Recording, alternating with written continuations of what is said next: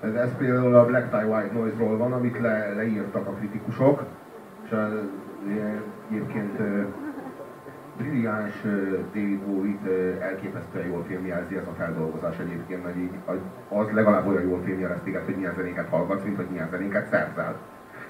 és ha mondjuk az általad hallgatott zenékben el tudod képzelni magad, akkor egyszerűen fölénekled, és akkor van egy feldolgozásod belőle. És így gyakorlatilag én, én nem mernék megesküdni arról, hogy jobban jellemez téged az a dal, amit szerzel, mint az a dal, amit hallgatsz kedvedre.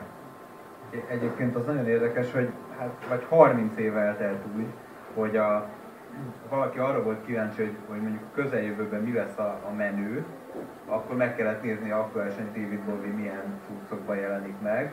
Az mondjuk más kérdés, néha inkább a női divatot, akkor a férfi divatot előlegezte meg, de hát ezek az apróságoktól tekintsünk el. De, de a stílusérzék, és a minőség az mindig nagyon jellemző rá. Tehát, hogy, hogy az adott, adott stílust azt nagyon erőteljesen képviselte, és, és általában minőségi módon. Tehát én mondjuk egyébként nem vagyok akkor a Bobby rajongó, bevallom őszintén, hogy bár jobb nő, mint a Peter Gabriel, de én inkább a Peter Gabriel vagyok szerelmes. De ennek ellenére ezt nagyon tisztelem benne, ezt a, ezt a minőséget, amit a Bobby mindig minőséget jelent. És a, a Bowie az olyan, a Bowie az olyan, ö, olyan ö, érzéseket és olyan impulzusokat tud kelteni, tud felkelteni, ami, ö, ami egészen rendkívüli. Az egész könnyű zenében a párját ritkítja.